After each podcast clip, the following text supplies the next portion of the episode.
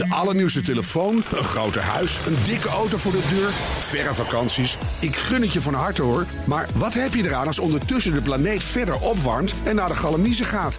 Wil je echt weten hoe het zit en wat we eraan kunnen doen? Luister dan naar BNR Duurzaam. Elke maandag tussen 3 en half 4 op de radio en altijd online als podcast. Want die volhoudbare wereld, die maken we samen. BNR Duurzaam wordt mede mogelijk gemaakt door Milieuservice Nederland. De ondernemende afvalpartner voor zakelijk Nederland. BNR Digitaal wordt gesponsord door Archie CRM Software. BNR Nieuwsradio. Zet je aan. BNR Digitaal. Hoe geschikt is Linux als vervanger voor Windows? Herbert Blankenstein. Upgrades en updates die worden opgedrongen. Ongeremd opslaan van informatie over gebruikers. Vertrouwde knoppen die zoek raken. Veranderingen in voorwaarden. Niet alle vernieuwingen in Windows 10 zijn ook automatisch verbeteringen. En daarom is de komst van Windows 10 misschien wel een goede reden om eens verder te kijken. Bijvoorbeeld naar Linux, al 20 jaar een belofte op de desktop. Of raak je daarmee van de regen in de drup? Daarover ga ik praten met mijn gasten. Thijs Hofmans, auteur van voor onder andere Linux Magazine. Hartelijk welkom. Hoi. En Mark Beekhuis, BNR-collega, kenner en gebruiker van Linux. Hoewel die zelf daar iets anders over denkt, geloof ik. Ja. En uh, hallo. En IT-journalist Brenno de Winter, die is vandaag mijn backup. Dag Brenno. Hi. Heren, welkom. Uh, Thijs, om te beginnen maar eventjes. Is Windows 10 inderdaad een goede aanleiding om over te stappen op een of andere vorm van Linux? Ik denk voor heel veel gebruikers wel, ja. Ja? ja. Hoeveel?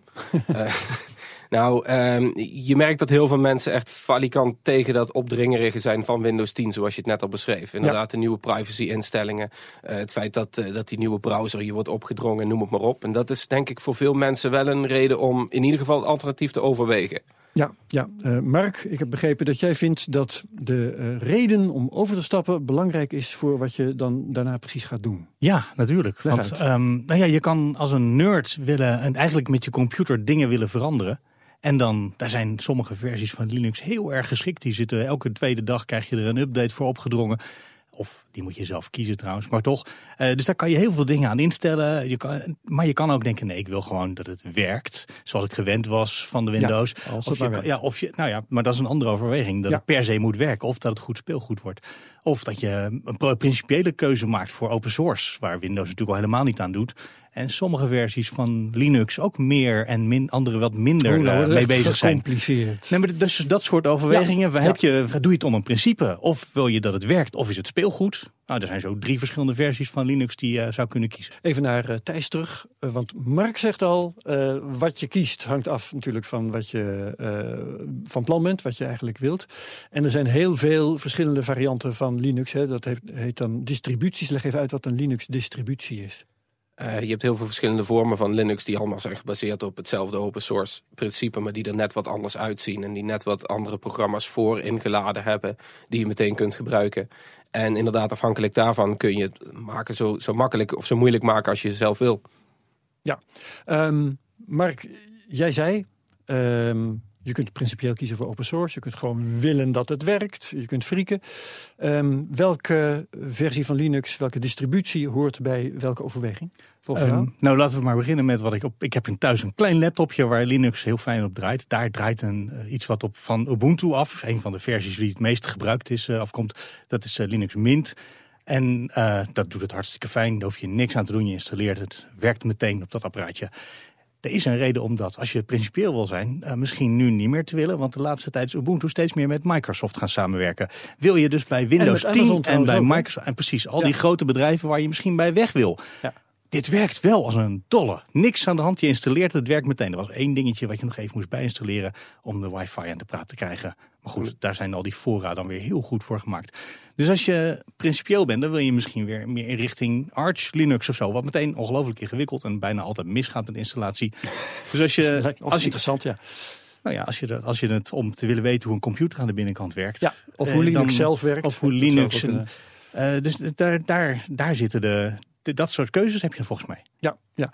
Uh, Brenno, um, is Linux nou een systeem dat je vooral moet gaan kiezen als je wat handiger bent? Of, uh, want Mark zegt, er is een versie Ubuntu, uh, werkt meteen als een tierlier. Um, Nou, nee. is, dat, is dat veilig? Nou, kijk, een- Voor ons leven? Voor, eh, voor wat grotere systemen is het sowieso heel erg stabiel. En dat, dat helpt Ja. enorm. Crash niet bedoel je? Ja, het crasht niet zomaar. Dat, dat, eh, dat helpt enorm. Maar we gebruiken het al massaal ehm, in het dagelijks verkeer op ons desktop. Wat we dan mobiele telefoon noemen. Want Android is natuurlijk gewoon gebaseerd op Linux. Dus het is iets wat we eigenlijk al gebruiken. Het is absoluut wel geschikt voor de desktop. Maar je moet natuurlijk wel weer even wennen aan een andere omgeving. Maar dat heb je ook bij een overstap van Mac naar Windows of van Windows naar Mac. Thijs, wat is jouw keus? Welke eh, soort Linux gebruik jij zelf eigenlijk? Eh, ik heb ook Mint draaien en ik gebruik het heel veel op een Raspberry Pi bijvoorbeeld. Als ik eh, van die hobbyprojectjes aan het maken ben, dan gebruik je van die hele afgeslankte distro's die ja, eigenlijk niks anders hebben dan een browser eigenlijk. gebruikt het woord distro, hè? Eh, distributie Ja, inderdaad. ja, precies. Ja. dat, dat is voor, voor de kenners. Die Ja, korten dat af. eigenlijk wel. Een Ja. afko voor distro, ja. Ehm, is, is het waar dat er voor Linux geen malware bestaat? Nou, het bestaat wel, maar het is, ja, het is een stuk moeilijker om te maken. Maar dat, dat heeft een beetje hetzelfde, ehm, eh, hetzelfde idee erachter als dat er geen malware zou bestaan voor Mac OS. Het is er wel, het wordt alleen veel minder verspreid. Eh, bij Linux is het er wel, maar omdat er zoveel verschillende distributies zijn en zoveel verschillende eh, samenhangende eh, vormen, is het niet echt heel relevant om die te maken. Dat is veel te moeilijk om daar mensen mee te infecteren. Plus mensen Ja. die Linux gebruiken, die zijn over het algemeen wel iets beter bezig met hun veiligheid. Dus die patchen dat ook sneller. En dan heeft het minder zin om daar malware voor te maken. Ja, maar phishing, hè, dat ze een mailtje sturen en gewoon om je wachtwoord eh, vragen, eh, dat werkt bij op Linux natuurlijk net zo goed als overal. Ja, dat werkt overal hetzelfde, ja. Ehm, Nou, misschien is het ook wel goed Ja, te nou. beseffen dat, dat heel veel cybercriminaliteit momenteel natuurlijk juist met malware zich richt ook op dingen als bijvoorbeeld Adobe software of dat soort zaken. Dus dat het platform steeds minder belangrijk wordt en dat er gebruik wordt gemaakt van de, omgevingen eh, die eromheen komen. Er is een rapport verschenen waaruit blijkt dat juist de Adobe malware enorm populair is om dit soort aanvallen ja, uit te voeren. is, eh, Flash en, eh, en de Ja. PDF-dinges zijn de grote slachtoffers op dit moment. Hè? Ja. ja. Ehm, bestaan trouwens ook voor Linux. Dat eh, werpt bij mij dan de vraag op als je op Linux Flash installeert. Ik heb dat tot nu toe vermeden. Ben je Verstandig. dan net zo kwetsbaar inderdaad als wanneer je Flash op Windows draait? Nou, kijk, de manier van kwetsbaarheid, dat ligt wel iets anders. Omdat eh, het rechte systeem, dus zeg maar wat je wel en niet kunt op zo'n systeem, dat zit net iets anders in elkaar. En het hangt ook weer van de versie van Linux af die je gebruikt. In hoeverre je daar ook weer weerbaar tegen bent. Dus het is heel lastig om malware te schrijven die op alle versies van Linux even goed functioneert. Dus en daar dat- zit volgens mij een voordeel van Linux. Want als je nu ja. wilt, dan is je misschien de, dat systeem wat je hebt, is misschien van zichzelf nog niet beschermd tegen welk probleem er ook aan zit te komen. Maar dat kan je dan doen. En dat is natuurlijk in Windows bijna niet te doen. Onder Mac OS X moeilijk te doen. Misschien ook niet trouwens in de praktijk. Maar met Linux kan je, je mag alles zelf weten. En je mag altijd onder, Ja. de, je mag onder Nou de ja. motor kappen. Het Ja, hoeft maar niet, daar want je kan je het dus voor wel wat handiger voor zijn. En Daar moet maar- je veel voor weten en heel Ja. veel voor googelen. En Mark, wat Brennan. natuurlijk ook wel een dingetje is, is dat eh, je hebt een, geen monocultuur. Hè? Eh, Windows is een, monocultuur, dus dat is allemaal hetzelfde. En omdat al die versies anders zijn en je bepaalde onderdelen wel of niet geïnstalleerd hebt, Maar is iedere Linux-versie toch net iets anders. De kernel kan iets, hè, dat is zeg maar het kloppend hart van dat systeem, dat kan net iets verschillen. En dat maakt het ook veel lastiger om aan te vallen. Dus je kunt niet heel makkelijk iets schrijven wat overal even goed op functioneert. Maar, hoe, wacht even, hoe monocultuur is Windows? Want je hebt eh, volgens mij op het ogenblik iets van 15 versies van Windows eh, die actief zijn. Windows eh, XP Maar de bestaat kern, nog. in Windows de Vista. kern is het allemaal precies hetzelfde. Zeven.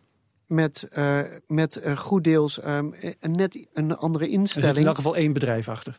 Nou, Ja, ja, nee, nou, dat is natuurlijk niet. Ja, Dat is Nou, ook waar. Luister, ik ga eventjes naar eh, Thijs Hofmans terug. Want eh, Linux staat bekend als eh, simpel, eh, snel, stabiel. Uh, Brenno heeft daar ook het nodig over zeg- Simpel gezegd. weet ik niet. Eh, nou, oké, misschien niet simpel. Maar ehm, dat snel en stabiel, waarom lukt dat Linux beter dan Windows? Want daar zit toch de power van een groot bedrijf achter. Ik denk ook dat er juist zoveel eh, verschillende eh, soorten laptops zijn die dat, de- waar Windows zich op, eh, op moet manifesteren. Dat, ja, het is lastig om daar overal geschikt voor te zijn. En voor Linux is, omdat het open source is, kan iedereen daarmee in de gang. Dus het is veel makkelijker voor ontwikkelaars om daar net een programmaatje voor te schrijven. Waardoor het op Ja. die laptop wel wat makkelijker werkt en op die niet. En dat hoeft er maar één te zijn. Daar, daar heeft Microsoft misschien geen kijk op. Ja, ik heb wel eens ge- gehoord van, van een hacker die ik ken. Ehm, ja, hij, hij dacht dat open source code altijd wel goed zou zijn. Want het verhaal gaat dan, iedereen kan er naar kijken. Hè, dus fouten komen makkelijk aan het licht.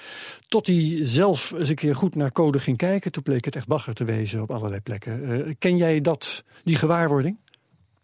Als Ja, je de discussie of open source veiliger is of Nee, eh, dan closed source. dat- beter. Of het echt goed programmeerwerk is. Dat is een Nou, niet, al- niet altijd. Als ik iets ga Ja. programmeren voor Linux, dan ziet het er niet uit. Want ik kan totaal niet goed programmeren. Dus als ik dat inderdaad op GitHub gooi, dan, eh, dan ja, dat GitHub slaat er dan nergens op. downloadsite. Ja, waar je eh, inderdaad code op kan gooien. Ja, ja, ja. Dat werkt misschien heel goed op mijn PC, maar als, Ja. als jij daarmee in de slag gaat, dan gaat dat waarschijnlijk hopeloos fout.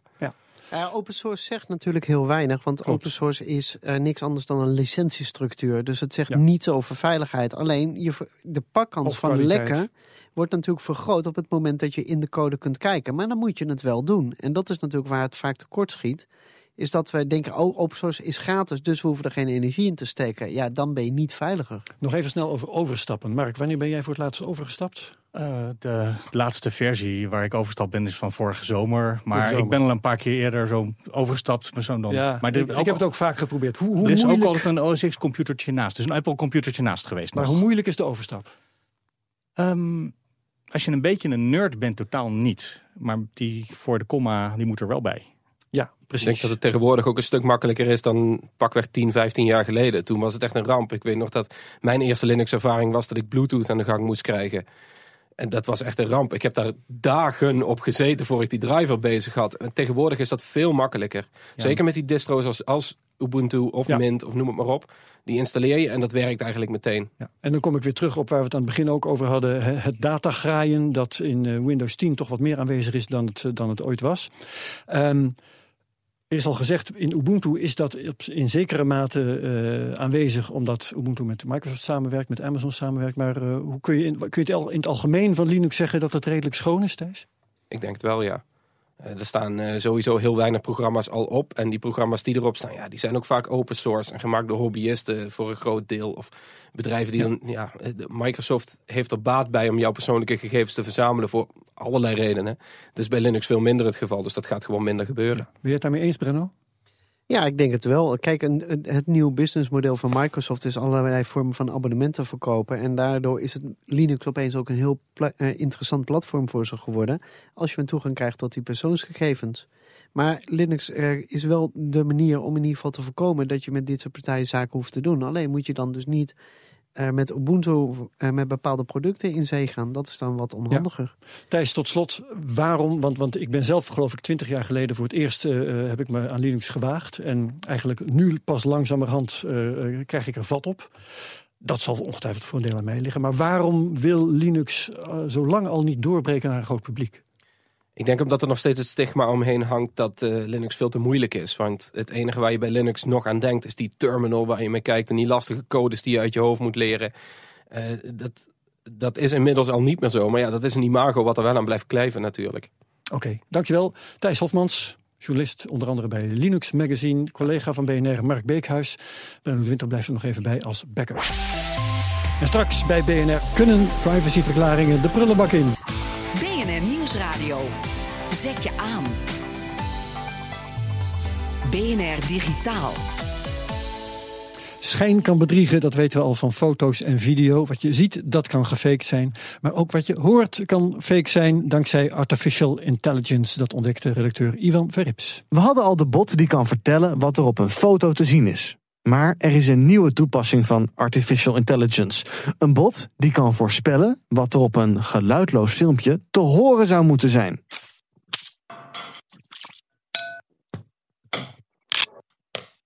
Je hoorde hier hoe met een stok geslagen of geschraapt werd tegen achtereenvolgens struiken, een kast, een plas water, een glas, een bed, nog een andere kast, een steen, een boek en een mok. These sounds can tell us how objects behave when we physically interact with them. They can convey whether an object is hard or soft, smooth or rough, and rigid or deformable. In this work, we consider the material understanding task of predicting what sound something will make when you hit it. Onderzoekers van MIT hebben een database aangelegd met allerlei beelden en hun bijbehorende geluiden. En wat ze daarna doen, is een filmpje zonder geluid aan een algoritme geven. En dat algoritme vragen om zelf geluiden bij die beelden te bedenken. Het algoritme moet dan dus kijken naar wat op het filmpje te zien is. Hier is een filmpje ingevoerd waarin iemand met een drumstok door wat struiken beweegt.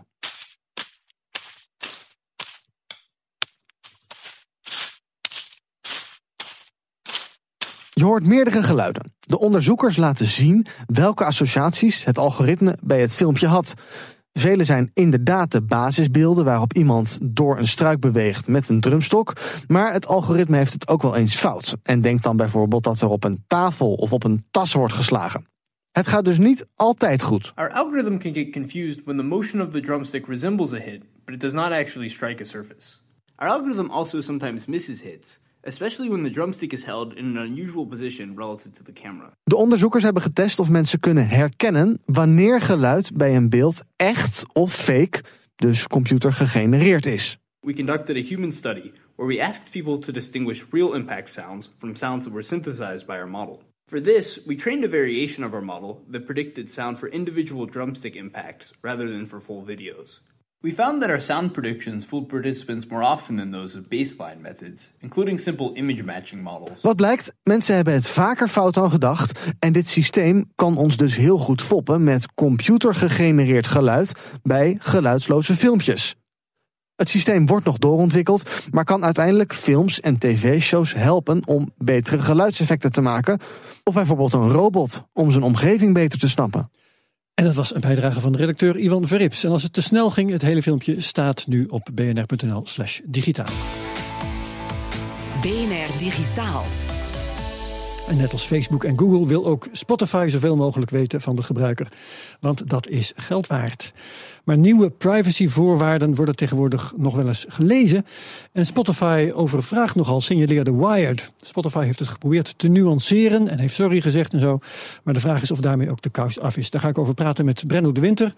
En met Arnoud Engelfried, IT-jurist. Mieke van Heeswijk is er ook nog bij van het SIDN-fonds. Brenno, jij hebt het onderwerp voorgesteld. Je hebt er ook een column over geschreven op je eigen site. Leg even uit wat het probleem is. Nou, het meest bizarre is wel dat... Um, kijk, ik neem een dienst af en ik denk naar muziek te luisteren. Ja. En opeens willen ze toegang tot je contact hebben. En als je dan wat verder leest, dan staat er opeens... Um, in sommige landen uh, moet, we, he, moet je toestemming hebben... en dan moet jij die toestemming maar gaan regelen. En, Van je contacten? Ja. En uh, als je erover nadenkt... Hoeveel Nederland, contacten heb jij? Uh, in mijn telefoon iets van 4000. Juist. Precies. dus er worden 4000 mailtjes. Ja, maar het logisch gevolg zou dus zijn dat als eentje nee zegt, je mag het niet doorgeven, dan kan ik Spotify niet gebruiken als die voorwaarden überhaupt in Nederland rechtsgeldig zouden zijn. Want daar kun je ook wel aan twijfelen. Gaan we zo even vragen. Precies. Uh, wat, wat het grote probleem is natuurlijk, is dat hier de burger even wordt afgescheept als degene die maar even de toestemming moet regelen. En dat er ook gewoon de Europese regelgeving aan de kant wordt gezet. Ja, dat is dan wel twijfelachtig of je dat kunt doen. Ja, ja. Ga ik even naar Arnold Engelfried kijken. Brenno heeft uh, Spotify en hij heeft 4000 contacten. Daar ben ik er één van trouwens. Uh, wat is er nu juridisch aan de hand als hij uh, zich afvraagt of je die privacyovereenkomst wel of niet moet tekenen? Nou ja, wat Spotify probeert te doen is wat de, de, de wet vraagt. Zorg dat je mensen uitlegt uh, wat je gaat doen. En zorg dat je toestemming hebt om die dingen ook te mogen doen. Uh, dat werkte ooit twintig jaar geleden, omdat je toen bij elkaar ging zitten, zorgvuldig uitleggen, snap je het, ja, ben je het ermee eens, wil je daar niet een handtekening zetten. Ja. Maar vandaag de dag ja, is dat een compleet papieren werkelijkheid geworden. Ja, ja want, want uh, het is veel, je hebt veel meer partijen die erbij betrokken zijn. Ja, um, en... Brenno zei al, uh, we moeten ons even afvragen of die overeenkomst wel rechtsgeldig kan zijn. Nou, wat denk jij daarvan? Nou, ik denk dat dat niet rechtsgeldig is. Ik denk dat vrijwel iedereen gewoon gedachteloos daarop klikt. Dat dus Spotify zo, zet ja. dan in die voorwaarden van ja, wij mogen ervan uitgaan dat jij mensen zorgvuldig hebt voorgelicht en om toestemming hebt gevraagd en ook desgevraagd schriftelijk kunt aantonen in aanwezigheid van de notaris. en ja, daarmee denken ze dat ze zichzelf ingedekt hebben. En nou ja, iedereen doet daar dan een beetje lacherig om. En ja, het zal wel. En nou ja, zo'n vaart zal het toch niet lopen. Ja. Het punt is alleen, zo'n vaart loopt het wel. Wat kan En- er dan gebeuren, bijvoorbeeld? Nou ja, wat er dus gebeurt is op het moment dat, dat ik dus in die contactlijst van Brenno sta, en volgens mij sta ik dat, dan krijg ik dus ineens al die mailtjes en dan wordt die informatie van mij daarbij gehaald, terwijl ik daar geen toestemming voor heb gegeven. Maar op het moment dat ik dan ga klagen bij Spotify, dan zeggen die ja, nee, dan moet je bij Brenno zijn, want die heeft uh, de toestemming voor jou geregeld en die heeft jou Ja. voorgelicht en anders ga je hem maar aanklagen. Maar ja, ik ga Brenno niet aanklagen, ik kijk wel Nee, uit. maar ik wel. Heb ik dan, heb ik dan een kans? Nou ja, dat is dan even de vraag. Kijk, juridisch gezien is een beetje het punt dat bij een privacy schending, uh, ja, wat wil je gaan eisen? Want dat, Gaat een vergoeding. Ja, dat zal niet meevallen, want Hm. zonder bonnetje geen schade. Nou heeft de, de baas van Spotify, meneer Eck, die heeft een lang stuk geproduceerd. En dat heeft Wired ook weer gereproduceerd en zo. En hij zegt, ja, um, in die privacyverklaring staat wel van alles. Maar als wij echt je foto's willen hebben en echt je contacten willen gebruiken... dan vragen we eerst nog wel even toestemming. Um, dan vraag ik me af, waarom, als je dan toch die toestemming... als het echt van pas komt, uh, gaat vragen, waarom zou je het dan in die privacyvoorwaarden zetten? Nou, ik denk dat dat die papieren werkelijkheid is waar ik het net over heb. Je gaat dingen doen, dan gaat de jurist praten met de ontwikkelaars van, goh, waar zie je het in de toekomst naartoe gaan? Dan ga ik dat alvast opschrijven met veel zou kunnen en mogelijk en in de toekomst, et cetera. En dan ben je alvast toekomstproef, heb je jezelf ingedekt en dan staat het er in ieder geval. En, maar ik als gebruiker denk dan, ze kunnen nu wel in een stukje op Wired beloven dat ze die toestemming nog een keertje gaan vragen. Ja. Maar ik heb hem al gegeven, dus als morgen iemand anders directeur is, dan vragen ze het misschien toch weer niet. Ja, nou ja, kijk, juridisch is het vrijwel irrelevant wat zo'n directeur zegt. Als je ondertussen die privacy tekst hebt, dat is het juridisch document. Daar staat de uitleg in. En ja, het kan niet zo zijn dat ik op Wired moet uitzoeken wat mijn rechten zijn ten opzichte van een bedrijf. Dus dan moeten ze gewoon in die privacy policy aanpassen. Ja.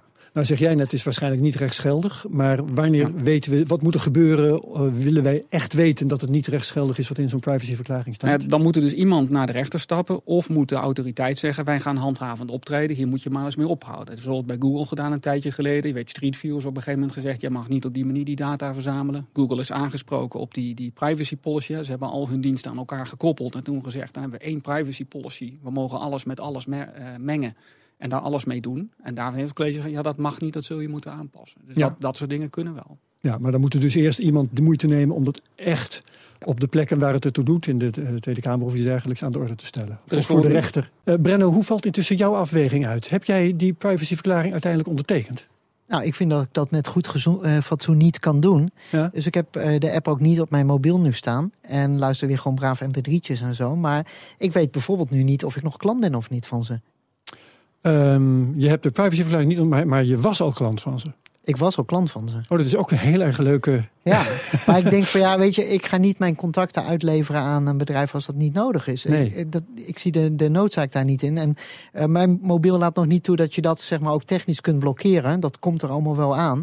Eh, maar dan wordt het natuurlijk van, dan kun je prima zeggen, ja joh, doe maar. En ondertussen doet gewoon de techniek lekker nee. Ja, Arnoud, Brenno bungelt in een juridisch vacuüm. Hij was klant van Spotify, hij heeft een nieuwe privacyverklaring niet ondertekend. Wat is hij nu? Ja, ik zou zeggen dat hij op zich nog steeds klant is tot het moment dat de nieuwe privacy policy in werking treedt. Want dat is in feite gewoon een mededeling. Uw contract wordt gewijzigd per 1 januari of wat dan ook. En daar heb je aan te houden. En vanaf dan loopt het contract af.